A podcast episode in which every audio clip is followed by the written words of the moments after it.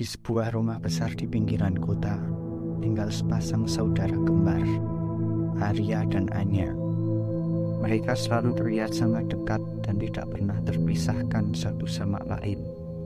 Namun, ada sesuatu yang aneh dengan hubungan mereka. Suatu malam, Arya bangun dari tidurnya karena merasa ada yang mengganggunya. Dia merasa tak sendirian dan merasa ada sosok yang mengintai dari sudut ruangan. Dia bangkit dari tempat tidurnya dan mencari-cari Anya, tetapi saudaranya tak ada di sana. Saat Arya keluar dari kamarnya, dia melihat Anya berdiri di sudut koridor dengan tatapan kosong dan pucat.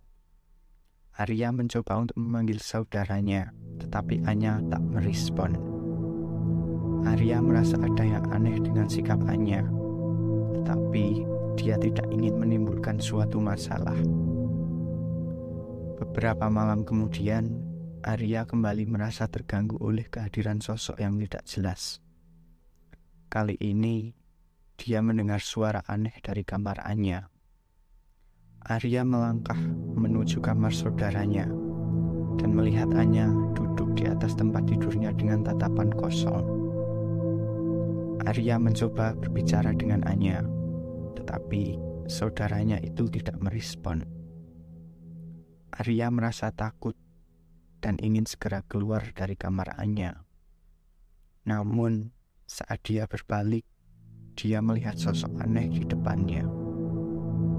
Sosok itu sangat mirip dengan Anya, tetapi dengan wajah yang penuh dengan luka dan mata yang kosong.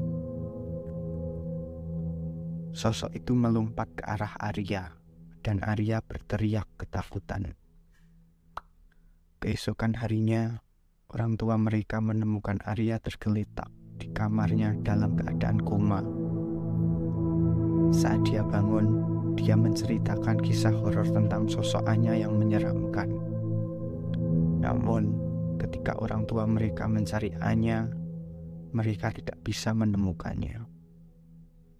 Sejak saat itu, Arya selalu merasa takut dan merasa diikuti oleh sosok Anya yang menyeramkan.